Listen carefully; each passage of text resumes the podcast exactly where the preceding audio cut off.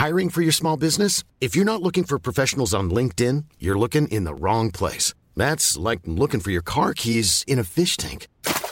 LinkedIn helps you hire professionals you can't find anywhere else, even those who aren't actively searching for a new job but might be open to the perfect role. In a given month, over 70% of LinkedIn users don't even visit other leading job sites. So start looking in the right place. With LinkedIn, you can hire professionals like a professional. Post your free job on linkedin.com slash people today. When people are happy with risk and embrace risk, then by definition, uh, prices go high.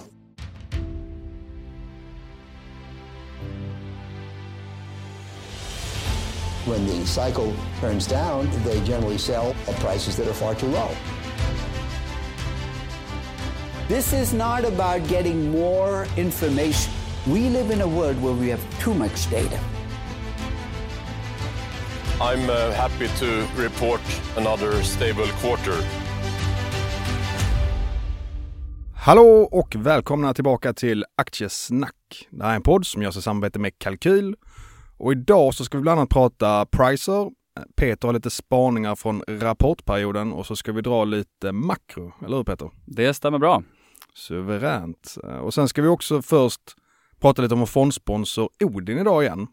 Och de har en grön räntefond som inte har den risken som många andra räntefonder har som exempelvis investerar i SBB och liknande. Utan den här räntefonden kör bara så kallade investment grade bonds, alltså företagsobligationer som har en bra kreditvärdighet. Och sen en annan grej som jag tycker gör den här räntefonden intressant är att man har också väldigt mycket fokus på att det ska vara likvida innehav. Och vi kommer ju nog alla ihåg vad som hände under covid när vissa räntefonder fick stänga för uttag på grund av att man inte kunde sälja av sina innehav. Så det gick helt enkelt inte att driva fonden och det är ju verkligen katastrof för att många har en sån här räntefond för att kunna sälja kanske när det är sämre tider och växla över till aktier då och kunna växla mellan aktier och räntor. Så att vill du ha lite mer tryggt alternativ, företagsobligationer som ger ganska bra avkastning numera, så finns det då Odin Sustainable Corporate Bond. Så den finns både hos Nordnet och Avanza. Och då säger vi vad då Magnus? Stort tack till Odin Fonder. Stort tack! Och sen eh, tänkte jag också lägga en liten kommentar om eh, Kinnevik. Det är inte varje dag vi gör det i podden. Men eh, där är en liten påminnelse till alla lyssnare för investmentbolag är väldigt populära och många kollar ju på substansrabatten och premien i investmentbolag. Alltså vad själva innehaven är värderade till jämfört med vad aktien handlas i. Och jag tror att många blir rätt lurade där idag för att man kollar nu och ser att det är rabatt på många av de här investmentbolagen. Men då ska man komma ihåg det att det är lite som när SBB säger att aktiekursen är i rabatt till deras substansvärde. De bestämmer ju ganska mycket själva hur deras onoterade portfölj värderas. Så det är viktigt att komma ihåg och jag tror att det är väldigt många case, framförallt Kinnevik som har mycket onoterat, där man håller uppe värderingen med meningen för att det ska se bättre ut än vad det faktiskt är. Sen blir också substansvärdet lite laggande. För, för det kan ju faktiskt vara så att tillgångarna sjunker, i synnerhet i ett klimat som vi har nu. Men det uppdateras ju först när de publicerar en kvartalsrapport. Exakt. Eh, så, det, så det kan liksom bli i ett dåligt klimat så är det väl ganska naturligt också att så här, rabatten blir lite högre så att säga. Ja. Sen kan ju det också prisas in i kursen, självklart, vilket det oftast gör. Alltså marknaden är ändå liksom ganska smart får man säga. Ja men exakt, effektiv. så att det blir liksom det. Man måste tänka på det. Det, är inte, det gäller inte bara att kolla på rabatten. Utan det är också lite lagg i det som du säger. Yes. Och det, det tar mig in på veckans sågning också. Den får. Kinneviks VD. så mycket Kinnevik. Oj då, jag, jag frågade faktiskt han nyligen om han skulle vara med i en intervju här. är det så? Jag hoppas han sa nej. Eh, jag har faktiskt inte fått svar, så Ja, såga okej. på du. Då får vi se, kanske vi får hans uppmärksamhet nu. Yes. Han tog över 2017 och då hade man ju den här gamla Stenbeck-sfären med mycket så kassaflödespositiva bolag som man har gjort sig av med nu och egentligen bryter mot regeln one-on-one som alla investerare har för att bli framgångsrika. Och det är ju inte köpa förhoppningsbolag. Och den här nya vdn han har ju lagt om hela verksamheten till att bygga på förhoppningsbolag och hoppas att de ska gå bra.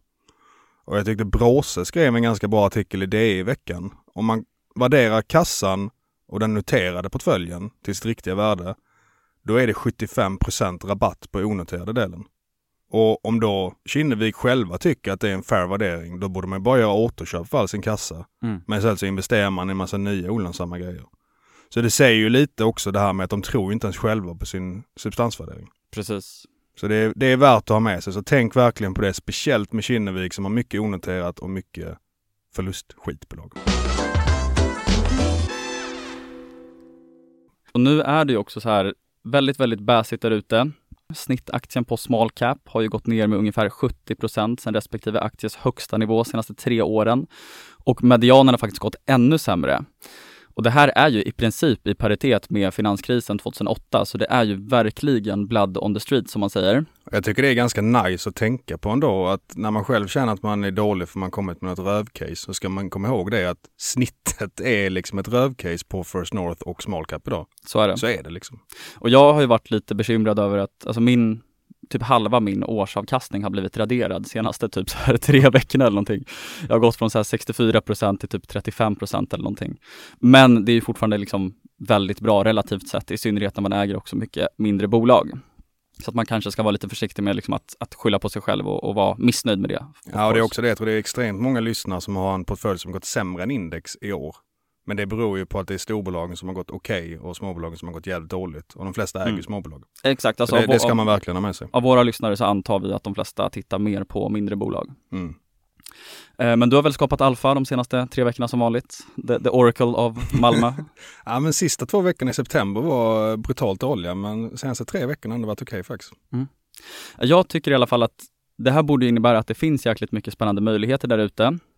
Sen hade ju KAP ett väldigt intressant perspektiv och vi var ju på middag med eh, Kvalitetsaktiepodden och några andra privatinvesterare och analytiker.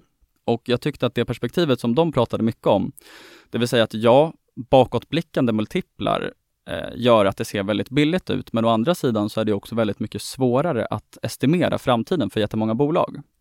Så att det är inte bara så lätt som att säga att så här, okej, okay, men nu, nu ser faktiskt multiplarna jätte, jättebilliga ut så, och därför är det köpläge. Eh, för det är faktiskt framtida multiplar som spelar roll. Och såklart så måste det också justeras för sannolikhet och i risk. Och det här pratade de jättemycket om och jag tyckte de liksom hade en jättebalanserad approach. Nu ska jag inte avslöja såklart exakt hur mycket kassa de har i deras investmentbolag, det får de göra i deras egen podd. Men jag tycker att det perspektivet är väldigt viktigt att lyfta i alla fall, att ja, det är jättemycket risk där ute och man kan inte bara titta på bakåtblickande multiplar.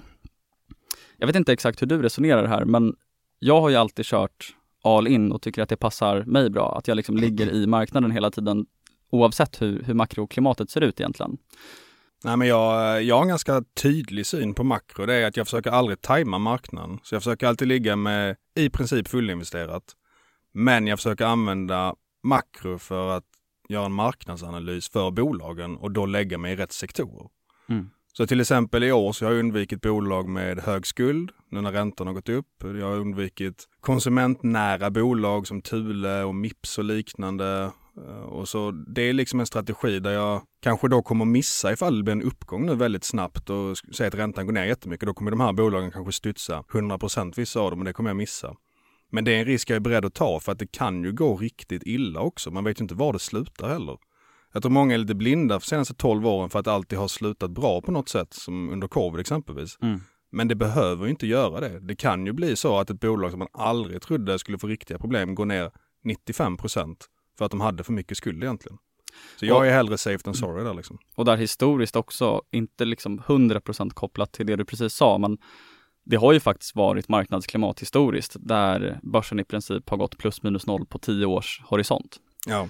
Inte minst den stora depressionen på 30-talet och sen så också IT-bubblan. Jag tror att även bolag som typ Microsoft, det tog ju liksom 10 år för dem att återhämta sig. det tog 15 år för Microsoft som ja, gick ja. fantastiskt under de 15 åren fundamentalt sett. Precis, precis. Och 70-talet var samma sak. Så att jag tror man är, man är lite lätt eh, blind för att det har varit nollränta nu i 10 år. Verkligen, verkligen. Och nu känns det som att vi potentiellt skrämmer upp lyssnarna väldigt mycket här. Men med det sagt så ligger vi ändå fullinvesterade. Precis, och jag har väl lite den åsikten att det borde alltid finnas möjligheter där ute och felvärderade bolag. För att annars innebär ju det att marknaden är effektiv och det vet vi att den verkligen inte är, eller att den är övervärderad. Eh, och det tror jag faktiskt inte heller att den är just nu. Sen är ju likviditeten också en intressant fråga och det tyckte jag att KAP också touchade ganska mycket på. Det var framförallt Ola eh, som jag pratade med det här om. Men det är så här, även fast man kan tycka att en aktie är undervärderad så finns det också en kraftig likviditetsrisk och sentimentrisk. Och den kanske man också faktiskt ska ta i beaktning. Och det blir faktiskt väldigt svårt att liksom kvantifiera det och slänga in det i sin analys. Men det var ju också ett perspektiv som vi fick från boken Capital Returns, det här med att det finns vissa indikatorer som man ändå kan titta på, så som att så här, det görs super, super mycket IPOs på, på höga nivåer. Det är en ganska tydlig eh, indikation för vart vi är i cykeln, till exempel. Eh, ja, men vart räntan står och så vidare. Och när det kommer till makro så är inte det någonting som, jag tycker heller inte liksom man ska försöka precisera, typ så här, ja men Feds nästa räntebesked och så vidare, för det kommer du inte ha någon edge i som småsparare eller lekman. Men det som kan vara klokt i alla fall, det är att, att ha det i bakhuvudet och försöka applicera det bolagsspecifikt. Det vill säga att så här, ett konglomerat som är byggt på M&A eh, mycket leverage eh, som har liksom byggt det här konglomeratet med riskkapital som har varit tillgängligt i en lågräntemiljö och så vidare. Det är ju extremt, extremt riskfyllt när sentimentet vänder och det var lite det du var inne på. Men när man pratar makro så är det ganska viktigt att separera olika delar inom makro tycker jag. För ofta så är det ju så argument på Twitter man kan läsa eller i olika sammanhang så här att jag kollar ingenting på makro utan att definiera vad makro innebär. Och jag tycker faktiskt att man borde bryta ner det att så här, ja, en del av makro är ju faktiskt valutor, inflation, räntor. Men en annan del som kanske är mycket lättare att precisera som privatinvesterare, det är ju hur, hur olika makroevents påverkar ett specifikt bolag. Och det tycker jag verkligen inte man ska blunda för. Nej, det är ju marknadsanalys som är en jätteviktig del egentligen när man kollar på ett bolag. Precis, och så är det många också som brukar referera till stora investerarlegendarer såsom Philip Fisher och Peter Lynch etc. som säger ofta att de inte kollar på makro. Men det de menar, det är ju såklart inte liksom ett makroevent som kanske påverkar deras största holding. Utan det de menar är ju att de har ingen edge att eh, kunna estimera inflation och räntor till exempel. Men självklart gör de industrianalyser och kollar hur makro påverkar specifika bolag. Det är så här, till exempel som att Buffett och Munger har ju köpt jättemycket olja nu. Det är klart som fan att de liksom kollar på makrotrenderna kring olja. Ja, det är ju egentligen bara ett makrobett. Det är ju inte så att de bara, åh det här är en fantastisk ledning, det är därför vi investerar i olja nu. Nej, det är precis. ju på grund av marknaden såklart och det beror ju på makro. Precis, precis. Och det är lite det jag vill komma till att det är nog ett stort, stort missförstånd enligt mig. Det här att liksom man ska aldrig kolla på makro. Men det är ingen som definierar vad, vad det innebär exakt. Så slutsatsen av det här blir någonstans att ja, du borde nog inte försöka precisera nästa räntebesked och lägga mycket fokus på det. Men du borde såklart försöka förstå hur stora makrotrender påverkar specifika bolag. Exakt, och där har jag också haft det synsättet att jag kommer inte kunna precisera exakt hur räntekurvan ser ut. Men när inflationen började gå upp med 7-8 procent, då var det ganska tydligt att det fanns en klar risk för att räntan skulle gå upp och också en risk för att den kanske kommer att stanna uppe längre än vad många tror. Och då är det ju bättre att vara på den säkra sidan för det finns ju massa bolag som inte är lika räntekänsliga och som är bra bolag. Och eftersom det finns tusentals bolag där ute så kommer det alltid finnas några som är halvintressanta eller intressanta i egentligen varje sektor. Och liksom kolla på den sektorn då där du tror att det kanske är lite mindre risk för tillfället än vad det är de andra. Det är i alla fall så jag resonerar. Jag håller med dig. Om vi tar till exempel Hove som vi båda äger. Eh, och det har vi pratat om i podden ganska mycket tidigare. Det är ett litet och nischat servicebolag som utgör en väldigt liten del av totalkostnaderna för en väldigt, väldigt stor industri, det vill säga vindkraft. Och därför tror inte vi till exempel att ett Hove blir jättedrabbade operationellt. Det återstår att se såklart, att de blir liksom jättedrabbade av makroläget. Och det är ett typiskt bolag som borde egentligen stå sig ganska säkert, alltså oavsett klimat. Eh, sen beror det på konkurrenssituation såklart och så vidare. Ja, nej men exakt. Och sen så har vi till exempel eh, oljesektorn där som på grund av underinvesteringar under många år egentligen lever ett annat liv än resten av konjunkturen. Och det kan vi se på Oddfjell Technology och så vidare. Så det finns ju alltid några sektorer som förmodligen kan ha en hyfsad period även under lite sämre tider. Precis, och, och det som de eh, största profilerna brukar prata om när det kommer till att skydda sig mot dåliga klimat, det är ju pricing power. Det vill säga att så här, kan du bibehålla din eh, prissättning mot kunderna och inte tappa kunder, jo men då har du en business som klarar typ alla klimat. Eh, har du några fler S i rockärmen än liksom, vad det är för typ av bolag? Till exempel ett litet servicebolag i en stor industri, pricing power, har du något annat du vill lyfta? Nej, det är väl mer egentligen att förstå de olika marknaderna då och vilka drivkrafter det är där för tillfället. Det kan ju vara att det är jättemycket lagkrav eller att det är till exempel som man bygger ut elnätet extremt mycket nu. Och det gynnar ju vissa bolag som har utrustning till elnäten och det är väldigt eftersatt också i västvärlden. Så då är till exempel transformatorer. Jag har investerat i ett kanadensiskt bolag som vi faktiskt aldrig gått igenom i podden, eh, som har investerat i det och det lever ju också lite sin egna konjunkturcykel på grund av att man måste rusta upp det här och det har liksom regeringen bestämt sig för att göra för man bygger ut grön energi, man bygger ut elbilar och så vidare. Så då behöver man detta oavsett om det är lite sämre ekonomi eller inte. Och regeringen tar ju gärna och lånar pengar så de är inte lika konjunkturkänsliga heller kanske.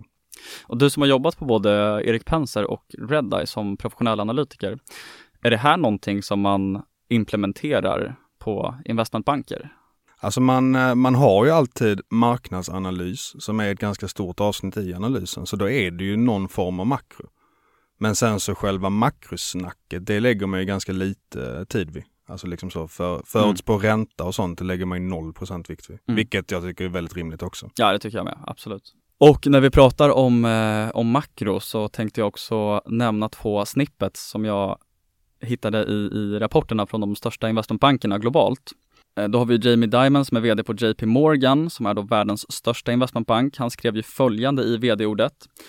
This may be the most dangerous time the world has seen in decades. Och då refererade han, refererade han såklart till makrotrender såsom hög offentlig skuldsättning, tajt arbetsmarknad och risk för att inflationen håller i sig trots att räntorna har skjutit i höjden. Och även risk för att räntorna går upp ytterligare. Och sen så utöver det här så har vi också två pågående krig just nu. Och en grej där som skrämmer mig mycket, utan att bli för politiska, det är ju hur man i USA har ett budgetunderskott på, jag tror det är 4-5 procent nu. Och då går ändå amerikanska ekonomin väldigt bra. Vad händer då när det blir en lågkonjunktur? Och det är ändå liksom någonstans dragloket för världens ekonomi. Om de håller på med någon politik som kanske inte är helt ansvarsfull och väldigt kortsiktig. Det kan, det är nog den största oron för mig just nu faktiskt. Mm. Och det är lite det vi har sett historiskt. Det är det som sker när det byggs bubblor på det här sättet. Det vill säga att finanspolitiken generellt liksom agerar väldigt kortsiktigt. Och det kan man ju också ha förståelse för när man kollar på incitamenten. Det vill säga att alla som sitter på platserna där man, där man tar sådana här beslut vill ju att det ska gå väldigt bra när de sitter där såklart. Så det är liksom ett så här systemfel skulle man ju typ kunna säga. Taleb skriver jättemycket om det här, jag ska komma in lite mer på Taleb senare.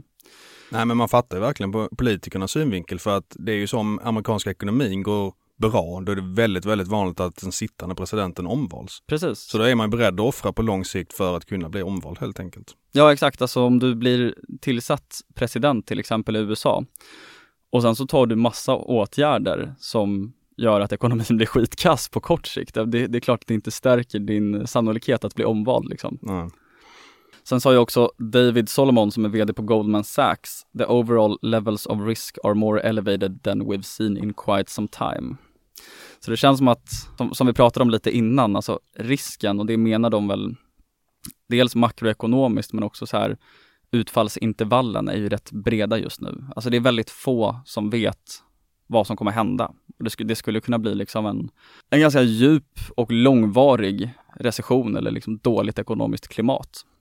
Nej men jag håller med verkligen. Man ser det på långräntor och liknande, det är på högsta nivåerna på 15 år, många av dem. Men man ska komma ihåg det, historiskt har det ofta varit bäst att köpa aktier när det är lite oroligt där ute. Precis, precis. Visste du förresten att eh, David Solomon har slutat som DJ? Eller visste du att han hade DJat överhuvudtaget? Nej, det var inget jag hade riktigt koll på. Men det, det är också någon typ av signal så här att nu är ju ekonomin och banken väldigt pressad och då ser det väl inte jättebra ut att han åker till typ Lollapalooza och eh, DJar. var han så liksom Avicii-nivå på det eller var han, ja, ja, alltså, absolut. han var med på hemmafester och härjade? Nej, han har lirat på stora events och festivaler och så vidare. Jaha, och, och samtidigt har varit VD på Goldman som han har varit från eh, 2018. Fan, det borde man ju känna till nästan. Ja, det borde det faktiskt. Skam på Magnus. Men han, han slutade, jag tror att beskedet kom för typ en vecka sedan. Ja, okay. Också så här bottennivå, det är köpläge. Bottensignal. Eller ja, bottensignal menar jag, ja precis. Ett annat intressant perspektiv på makro just nu, det tycker jag att det är ju väldigt lätt att slänga sig med argument så som att man borde kolla på makro, alltså just nu när, när läget är som det är och liksom kapitalmarknaderna är väldigt ansträngda och aktierna är väldigt nedtryckta. Och, det, och att man liksom borde ha sålt typ slutet på 2021 och så vidare. Men jag tror att man lurar sig själv lite grann genom att så här, dra bakåtblickande slutsatser som är så självklara idag, men som ingen hade kunnat pricka rätt på 2021. Det är en bra poäng för det, det känns jävligt självklart idag att allting skulle gå som det gick. När man liksom så bara eldade på med pengar under en pandemi när det liksom var dåliga leveranskedjor och liknande. Det är ju liksom så i efterhand så, ja, det känns ju självklart att det blir inflation av det. Men där och då så är det absolut inte självklart, men det glömmer man bort. Precis, och jag vet att jag kanske framstår som lite dum som hävdar det här just nu, men jag tycker fortsatt inte att man ska lägga tid på, alltså som privatinvesterare, om man inte har väldigt, väldigt mycket edge inom den domänen på makroekonomi och då menar jag makroekonomi, till exempel då inflation och räntor och försöka precisera det. Nej men verkligen, jag tror det är många som lägger för mycket tid där och det ser man ju på att liksom professorerna själva som sätter räntebarn, de, de vet ju inte hur det går. Och framför allt tror jag att om du inte har det som filter, att du inte kollar på det så kommer du ständigt bli störd av liksom rubriker och saker som kommer på Twitter och du kommer fundera på om du ska sälja. Så att om du inte bestämmer för dig själv att du har det filtret, jo men då hade du kanske förmodligen sålt typ så här coronabotten och så vidare. Nu var inte det liksom ett så här typiskt makroevent som vi diskuterar just nu, men jag menar bara att så här, det är nog väldigt svårt att filtrera i all information som kommer och liksom, ja, in a lack of a better word, skapar dig väldigt, väldigt bra conviction om du ständigt ska kolla på liksom alla makronyheter som kommer. Nej men exakt, det här liksom gå ur marknaden eller gå lång kort index och liknande. Det, det är ju extremt mycket enklare att bli rik på att köpa undervärderade aktier i min mening. För det är extremt mycket färre variabler och enklare att förutse. Så jag tror att vissa kan gå bort sig där att man, vissa är ju duktiga på det. Det finns ju extremt få som är det. Men, men vissa är det. Men det är också mm. extremt få. Det ska man inte glömma bort. Precis, så kontentan här blir väl att vi tycker, och så gör vi själva också, att man ska försöka applicera makro i sin analys, men mer utav en liksom marknadsanalys. Ja, man kunna. vilka bolag man ska välja. Exakt. Inte ska man vara på börsen eller inte. Exakt, superbra. Så det blir väl lite så här konklusionen av det här. Och som sagt, utan det här filtret, alltså vart drar du gränsen? Du kommer typ fokusera på så här presidentval eller analysera liksom krigets påverkan på ekonomin etc. Och jag tror att så här, om du inte tydliggör det filtret för dig själv så är det väldigt, väldigt lätt att, att gå bort sig helt enkelt. För vi är så otroligt blinda mot vår egen blindhet. Och, det, och lite på, på det temat, då finns det ju hedgefonder där det är liksom professor i nationalekonomi som sitter med massa data som man själv inte har, som kollar på det här. Mm. Så att du ska få en edge över dem, det är ju i princip, ja, det är väldigt osannolikt i alla fall. Precis, och jag tycker att Buffett eh, som så ofta har, har eh, ett citat som är så otroligt spot on här och det är liksom, han bryter ner det som så och säger att, ja men vad har jag högst sannolikhet att ha rätt? Är det bolagets framtid eller är det, är det nästa räntebesked? Alltså så här, det handlar ju någonstans lite om att så här, vikta variabler både utifrån sannolikhet och risk på, på något sätt. Ja. Vilket gör att som privatinvesterare eller som investerare när du har fundamental analys som grund och strategi så bör du inte titta på de makrovariablerna. Och ett annat perspektiv på det här som jag tycker är jäkligt spännande som eh, Nassim Taleb skriver om i boken Black Swan. Det är också så här, vad är lagom mycket information? Han skriver ju om att så här, desto fler hypoteser du har, eller en prognosmakare, desto fler hypoteser en prognosmakare har, desto mer tilltro sätter du till din slutsats på något sätt, eller ditt estimat. Men det finns hur många ställen som helst där så här, antalet variabler som analyseras, det korrelerar inte med bättre slutsatser eller bättre prediktioner. Och det här är ju så, alltså högst applicerbart på börsen tycker jag. Så att det här med att filter och försöka skala av det till viktiga variabler och faktiskt variabler som du, som du har en hög sannolikhet att ha rätt i, tror jag är sjukt, sjukt centralt. Verkligen, det är som han eh, Damodaran säger i vårt intro. We have too much data in the world today. Ja, precis. Och det har vi diskuterat jättemycket innan så här. Vad är värdeskapande information och vad är brus? Alltså det blir alltid en jätte, jätte central fråga. Och sen så ska man ju bryta ner det i någon typ av risk-reward analys. Ja, lite, lite på tal om eh, makro så har jag varit kort eh, Tesla som vissa kanske minns. Jag berättade yes. om det i våras och det började ju med att aktien gick upp typ 80% på två månader i AI-hasen. Så den gick ju inte så jättebra. Sen som tur var så var det en väldigt eh, liten position. Men där var det mycket makroanalys. Att med stigande räntor och eh, leverantörskedjor som öppnar upp sig, sjunkande priser för bilar. Då trodde inte jag att Tesla skulle gå så bra fundamentalt och det har det inte heller gjort. De kommer med sin Q3-rapport nu och eh, vinsten per aktie minskar med 44 procent och man har dessutom över 50 i PE. Jag såg att free cash flow minskade med 74 procent va? Ja, så det var ingen jättebra rapport för ett extremt högt värderat bolag. Men eh, det gav mig också lite insikt att det här med kortning är nog inget jag ska hålla på med. Man vet ju inte om man får rätt i sin tes. Här fick jag det lyckligtvis, men ändå så gick det dåligt. Och det är ju nackdelen med kortning. Alltså irrationella rörelser i korta perspektivet påverkar ju mer hur det går när du kortar än vad det gör att du får rätt fundamentalt ibland. Och när det kommer till att gå lång aktier, då är det det långa perspektivet som spelar roll. För att då kan du härda ut ifall det går ner mycket och sen så kommer du kunna gå upp igen. Men det kostar hela tiden pengar att ligga med en kortning i ränta och liknande. Och du kan förlora hur mycket som helst. Du kan inte låta aktien springa iväg oändligt mycket. Mm. Så att eh, jag har ändå bränt mina fingrar lite grann. Nu, nu har jag stängt den. Eh, det blev ändå lite bättre till slut för nu har aktien gått ganska dåligt senaste månaden, månaderna. Men eh, ja, det är ingenting jag kommer göra om igen. Det är sjukt att Tesla faktiskt inte har gått ner mer än vad det har gjort. Jag tror att aktien är väl ner typ 15-20 procent sedan rapportsläpp eller någonting liknande. Ja, men det är ju verkligen, alltså den, den värderas ju inte på sin fundamentala försäljning. Den värderas ju på förhoppningar om robottaxis och liknande. Så det värderas ju stort som ett förhoppningsbolag egentligen. Med en ränta på 5% riskfritt, vilket jag tycker kan vara ganska sjukt. Precis, och sen så är det otroligt mycket kapital i form av clueless retail som värderar Tesla och som köper det han säger. Alltså, man, man, borde typ lyssna på Teslas earnings calls för att det, det är så otroligt underhållande. Alltså Elon säger så mycket sjuka saker. Ja, han var väl till och med negativ den här gången. Ja, nu, han var ju typ negativ till att de skulle göra Cybertruck till eh, en kassaflödespositiv produkt. Men han sa ju fortfarande att så här AI och full self-driving skulle göra Tesla till det, det högst värderade bolaget i hela världen, eller har potential. Okay, så han, var, han var inte jättenegativ ändå? Nej, men det är ju så många retail-investerare som, som köper det helt enkelt och inte har någon aning om hur man ska värdera aktien. Nej men det är rätt intressant. Eh, man brukar få upp på den här Norden när man går in på marknaden vilka som är mest omsatta aktien varje dag. Och det är ju i princip varje dag är det Tesla. Trots att det är långt ifrån världens största bolag. Så det, det säger ju ändå en del om vilken hype det fortfarande är i den aktien.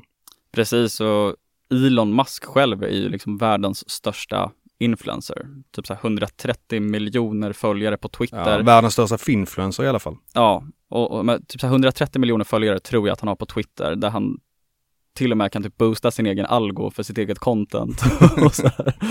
Det är, ja, alltså hans follower base är bara så, så sjuk. Det är sant. Och sen så ett annat case eh, där jag kanske borde gjort en bättre makroanalys eller marknadsanalys. Det är ju Waystream eh, som nu kom med sin Q3-rapport och eh, den var ju inte helt oväntat superdålig. Eh, hela sektorn med Hexatronic och Transtema och liknande har ju gått extremt dåligt. Där har man varit mer räntekänslig än vad jag trodde att man skulle vara. Och folk vill inte bygga ut eh, fiber helt enkelt. Det är en ganska kapitalintensiv bransch. Och det har ju satt sina spår i, i Waystream. Men jag tyckte ändå att två delar i rapporten var lite positiva. Q3 var mer omsättning nu än Q2 var. Och dessutom gick bruttomarginalen upp igen som var ganska låg i Q2. Nu var den tillbaka på gamla nivåer egentligen. Så att jag, jag fortsätter stå utanför Waystream, lite det här better safe than sorry. Man vet inte hur länge den här basen kommer hålla på i sektorn. Men man har ju kommit ner väldigt mycket nu och eh, jag skulle ändå säga det som hyfsat troligt att jag kommer äga aktien någon gång igen i framtiden när det börjar se bättre ut i sektorn. Spännande.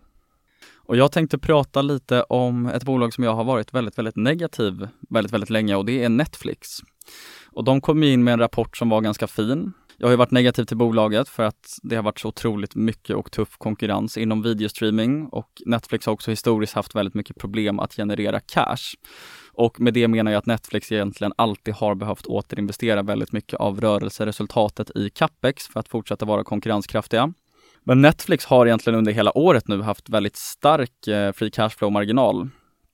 Och jag tror att tidigare så har de haft typ två av, av två av de senaste tio åren så har de haft positivt free cash flow.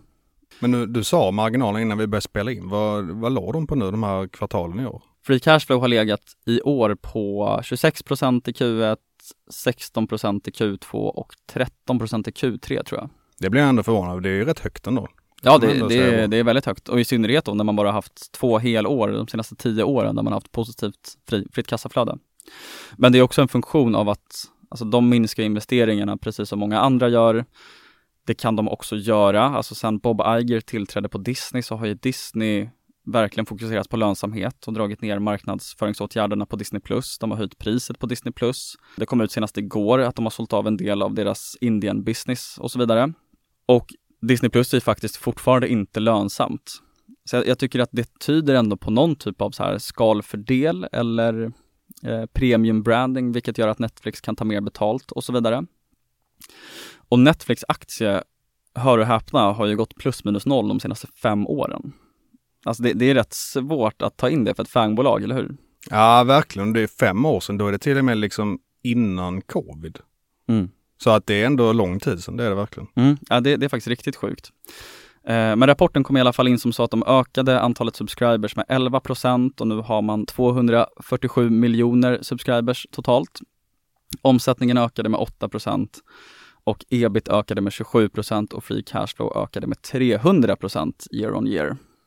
Ja, men speciellt jämfört med Disney så är den jämförelsen intressant för det känns som det borde vara så mycket enklare att få vinst i Disney med så extremt starka varumärken som de ändå har och har haft länge. Så det är ändå imponerande för Netflix.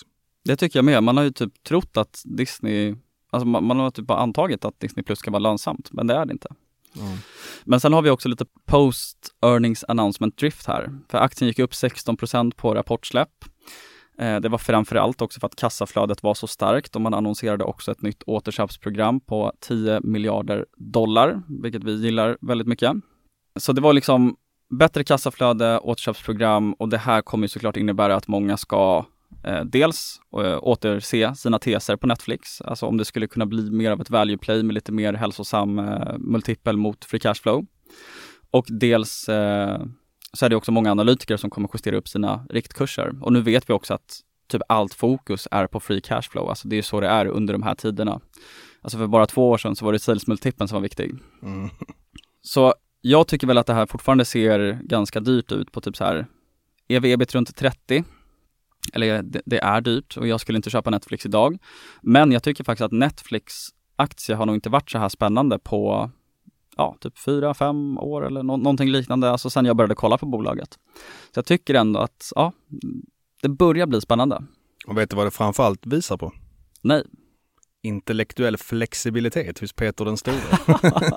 Svängt i både Netflix och eh, Linas matkasse som var en online-fight eh, back in the day, exakt. Ja, precis. Alltså det var ju inte mycket av en fight skulle jag säga. Det kanske var mer en eh, låtsasfight på Twitter. Ja, alltså jag, jag, jag och Olle har ju ganska mycket kontakt så det var, det var absolut ingen fight. Det var väl lite så här, lite kul grej att göra publik typ. Nej, det Men det stämmer bra, alltså jag var ju innan eh, Cefellos, om det var Q2 tror jag, så var jag ju väldigt negativ till bolaget för att då tyckte jag att det fanns någon typ av så här konkursrisk. Eh, bolaget hade presterat väldigt dåligt, eh, kassan sjönk och så vidare. Men nu har jag ändrat min tes fullständigt här faktiskt. Ja men det är bra, det ska man kunna göra. Det är viktigt på börsen att göra det så man inte gifter sig med aktier och liknande. Det håller jag med om. tvärtom heller.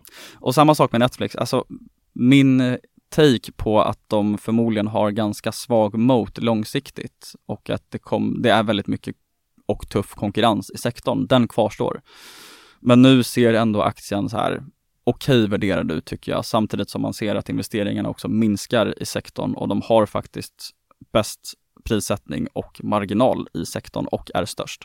Och som sagt, lite likviditetsgrej, sentimentgrej också. Det här med att nu visar man faktiskt att free cash flow finns och så har vi också lite post earnings announcement drift potentiellt. Så för de som gillar Netflix så kan det nog vara värt att spana vidare där just nu tycker jag.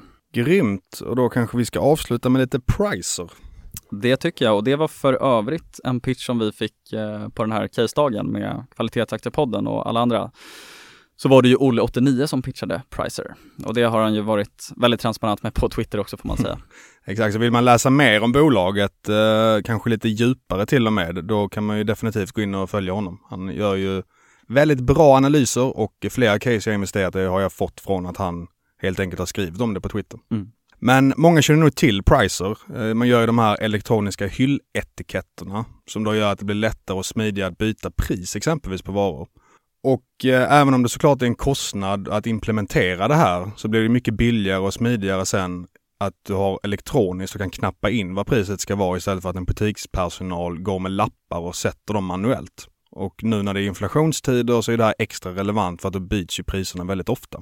Och eh, marknaden växer väldigt kraftigt. Tvåsiffriga tal, man ligger på 20-25 procent eh, för tillfället. Och Price omsätter idag 2,5 miljard och man räknar med att omsätta 4,5 miljard 2025. Så man har väldigt aggressiva tillväxtmål och man är egentligen ett tillväxtföretag. Men det som gör att det är lite intressant läge idag, det är egentligen att bolaget har fuckat upp förra året och framförallt den gamla styrelsen då som har ersatts nu. Och det var att man hade ganska dålig kassaposition och i det läget så beslutade man att ta en utdelning som man inte hade råd med egentligen. Och det har gjort att man nu har fått göra en nyemission i år och när det blir en nyemission i en dålig marknad, då blir det ofta på väldigt dåliga nivåer.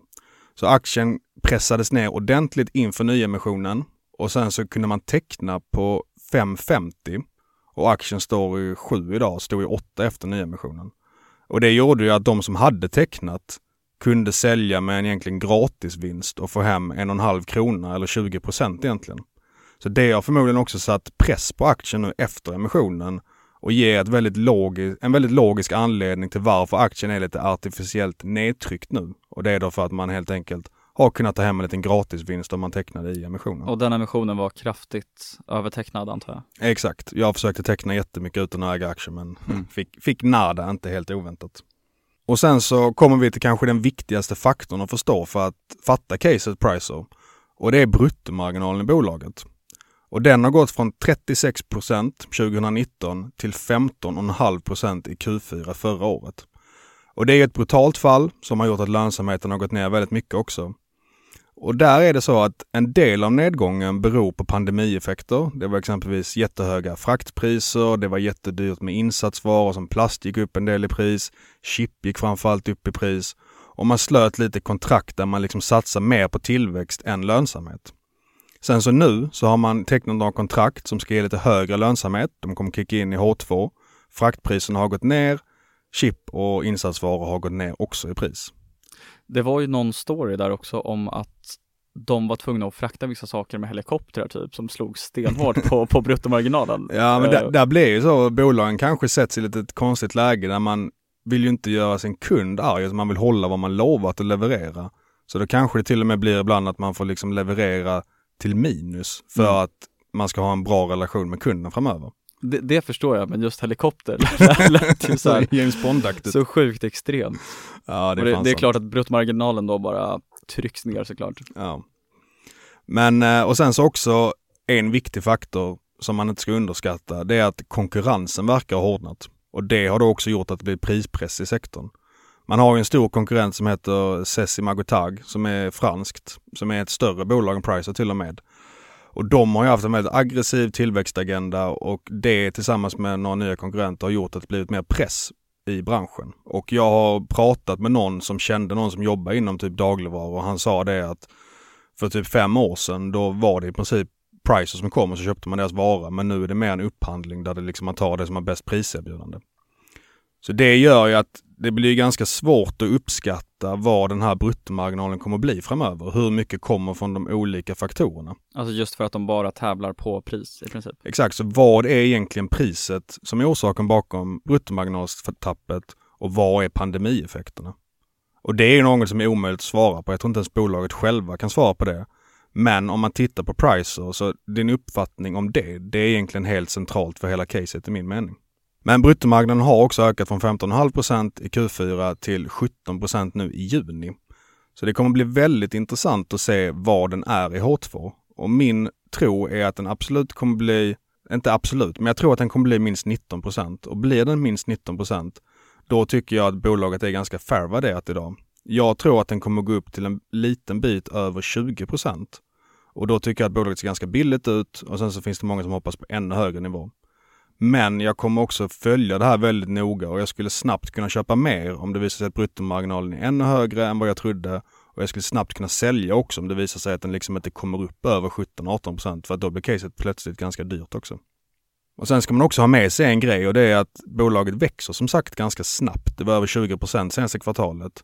Och det gör ju att det blir lite operationell, operationell hävstång. Så det är inte bara bruttomarginalen som påverkar hur vinstmarginalen kommer bli framöver. Utan blir också när du säljer mer, då ökar vinstmarginalen bara genom den faktorn med. Så att eh, sammantaget så tror jag att vinstmarginalen kan röra sig upp mot 5% och då har man på nästa år ungefär ev-ebit 8. Hur ser det ut med cash conversion? Alltså den har ju varit eh, lite halvkass när man byggt upp lager och liknande under pandemin. Lite men, vol volatil kan jag tänka mig. Ja, men det kommer förmodligen bli bättre framöver. Mm, för jag tänkte det att 5% vinstmarginal brukar ju vara en ganska dålig kassaflödesmarginal för att bolag har ofta lite capex. Ja, ja men det, det kan stämma. Jag tror dock inte man har jättemycket capex planerat framöver i alla fall. Mm. Man har ju bland annat en mjukvarusatsning också som ska kunna förbättra bruttomarginalen.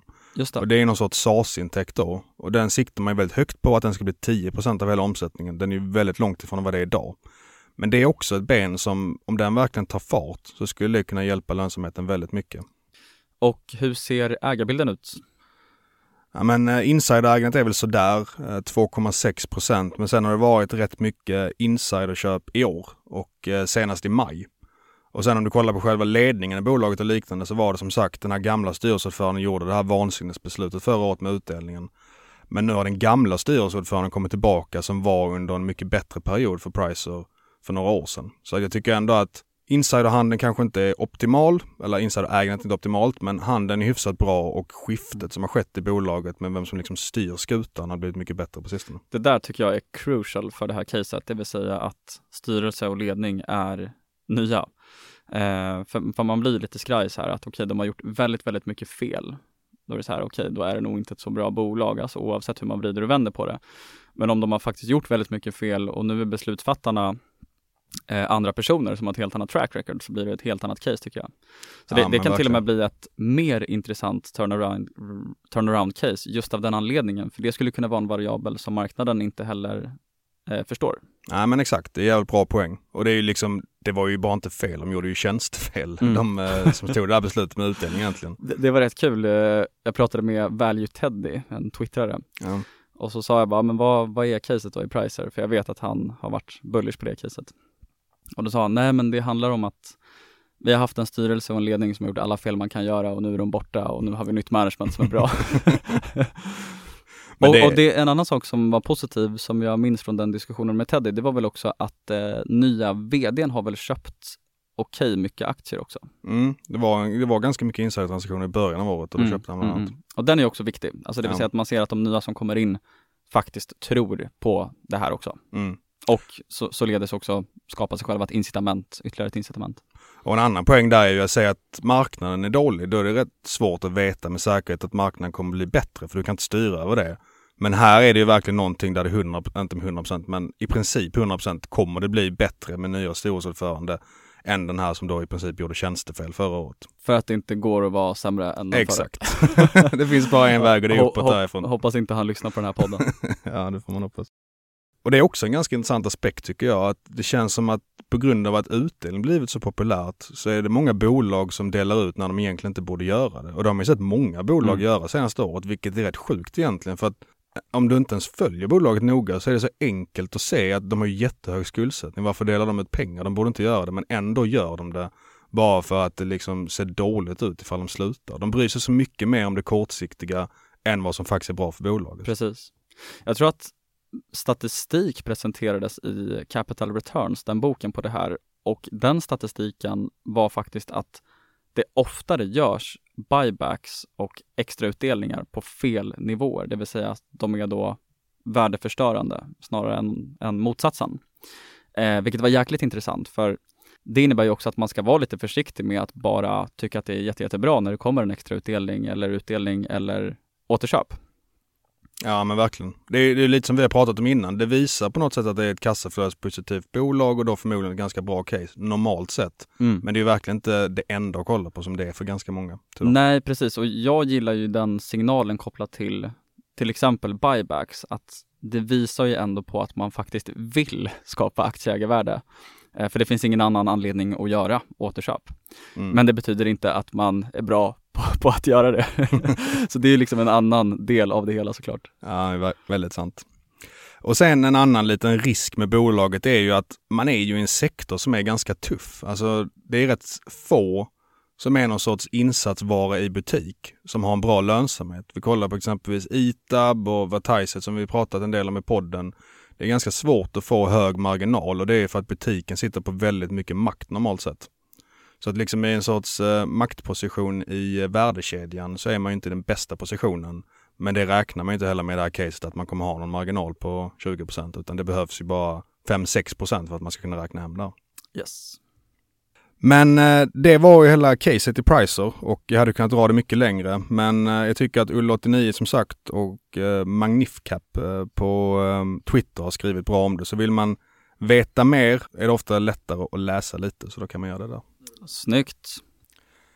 Och jag äger aktier i Pricer men på grund av att det är en ganska stor risk där med att bruttomarginalen är så extremt avgörande och det inte är helt enkelt att prognostisera så äger jag ungefär 3% av portföljen i Pricer. Men jag tycker ändå det är värt en position med tanke på det läget aktien är i nuläget. Och innan vi rundar av så tänkte jag bara berätta kort om vår senaste mm, produktuppdatering för Quarter Web App. Och vi har ju en tier för Quarter Web App som heter Quarter Core som riktar sig till retail-investerare. Och där har vi precis adderat live transcript, vilket innebär att man alltså får, alltså man kan lyssna på live calls och få transkriberingar i realtid av dessa eh, events helt enkelt. Och det gäller kapitalmarknadsdagar, konferenser, earnings calls och så vidare. Vi är faktiskt en av de första öppna plattformarna globalt att erbjuda det här och det innebär då samtidigt att vi kan erbjuda kompletta transcripts av bolagsevent snabbast i hela världen för att de transkriberas live helt enkelt.